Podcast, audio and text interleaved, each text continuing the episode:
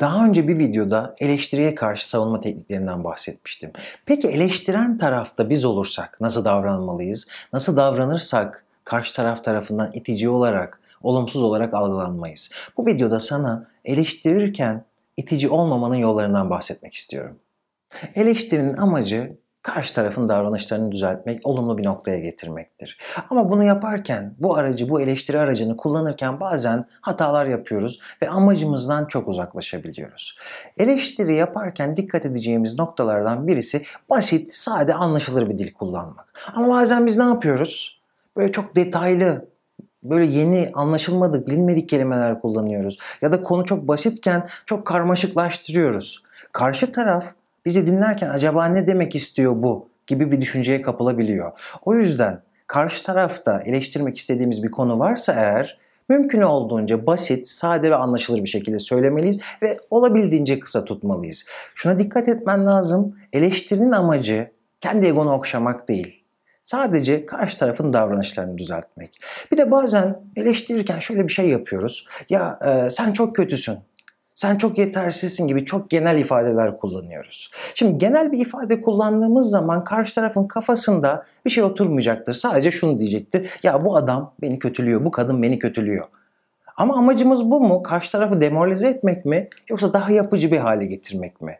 Burada dikkat edeceğimiz şey çok spesifik noktalara temas etmek. Karşı tarafta neyi hatalı görüyorsak, neyi eksik görüyorsak onu net bir şekilde ifade etmemiz lazım. Seni şu konuda yetersiz görüyorum. Seni şu konuda eksik görüyorum.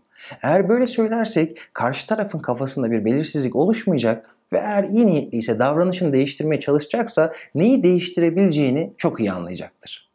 Akşam evde yemek yenecek. Yemek hazırlanmış, kadın güzel yemekler yapmış. Beraber sofraya oturuyorlar. Adam diyor ki ya sen bu yemeği tuzsuz yapmışsın.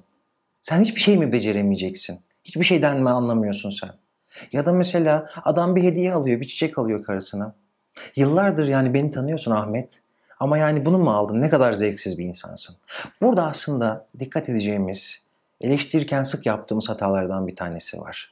Eleştirirken davranışı değil kişiliğe yöneldiğimiz zaman karşı tarafı hem demoralize ederiz, olumsuz duygular uyandırırız karşı tarafta hem de karşı tarafı savunmaya geçiririz.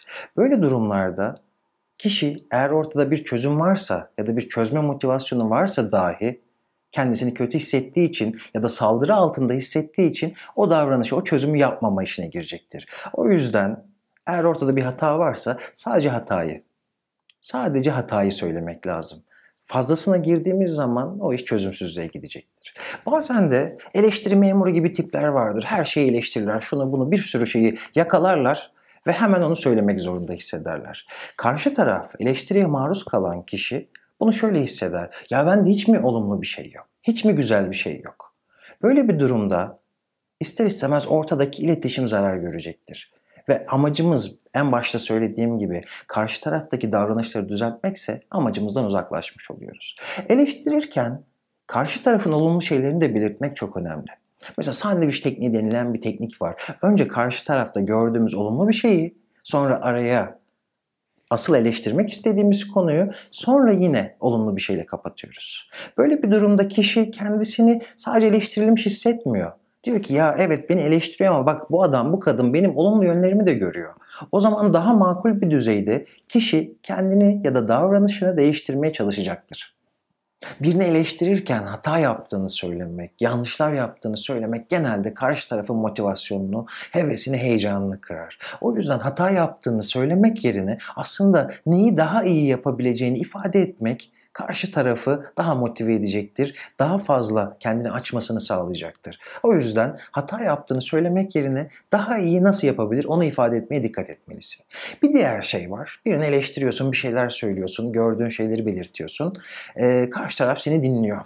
Ondan sonra sen ciddi ciddi anlatıyorsun böyle e, şunlar şunlar şunlar değişmeli gibi. Sonra karşı taraf kendini savunma ihtiyacı hissedecek. Böyle bir durumda sen dinlememeye başlıyorsun. Etraftaki fayansları sayıyorsun, tavana bakıyorsun böyle. Ama karşı taraf anlatmaya çalışıyor sana. E böyle olunca şöyle bir durum ortaya çıkacak. Ya ben anlatıyorum, söylüyorum ama karşı tarafı dinlemiyorum. Karşı taraf ne hissedecek? Diyecek ki beni dinlemiyor. Sadece eleştiriyor. O yüzden eleştiri yaparken Evet yapabilirsin bunu. Sonrasında karşı tarafın bir kendini anlatmasına, durumunu izah etmesine fırsat vermelisin. Eğer böyle vermezsen ortada bir iletişim var diyemeyiz ki. Sen ancak kendi egonu tatmin etmiş olursun. Söylersin, söylersin, söylersin. Karşı taraf ne hissediyor, ne düşünüyor ya da neyi neden yaptı bundan habersiz olursun. Buna dikkat etmek, karşı tarafla bir diyalog kurmaya, iletişim kurmaya çaba göstermek çok önemli. Bazı insanlar vardır ki eleştirirken böyle bambaşka bir insana dönüşürler, canavara dönüşürler, aşırı sertleşirler. Karşı tarafa bağırarak konuşmaya başlarlar. Bazen aşağılarlar, bazen kötü davranırlar. Böyle bir durumda eğer böyle biriysen, karşı tarafa bağıran, çağıran, eleştirini sert bir şekilde ifade eden biriysen, karşı tarafta neyi değiştirmeyi bekliyorsun? Neyin değişmesini istiyorsun? Şahsen bana biri böyle dese, böyle bir tavırla yaklaşsa, ben normalde çok istekli olduğum, değiştirmeye çok istekli olduğum bir konuyu sırf onun bu tavrına inat olarak değiştirmeme gibi bir durum ortaya, bir tavır ortaya çıkartırım. O yüzden eleştiren tarafta olduğun zaman üslubuna dikkat etmelisin. Üslup kelimelerin kıyafeti gibidir. Aynı şeyi çok farklı tonlarda söyleyerek farklı mesajlar verebilirsin. Eğer eleştirinin karşı tarafta bir yankı bulmasını, ses bulmasını ya da bir amaca hizmet etmesini istiyorsan üslubuna dikkat edeceksin. O yüzden eleştirdiğin insanla yakın bir ilişki kurmak. Emir vererek değil bazen. Öneriler vererek, yöntemler göstererek, yollar göstererek eleştirirsen hakikaten ortaya güzel bir şey çıkıyor o zaman. Buna da dikkat etmeni öneririm. Umarım bundan sonra bir eleştiri yaparken bu önerilerimi dikkate alırsın. Videoyu beğenmeyi ve Psikoloji TV YouTube kanalına abone olmayı unutma. Kendine çok iyi bak. Görüşmek üzere.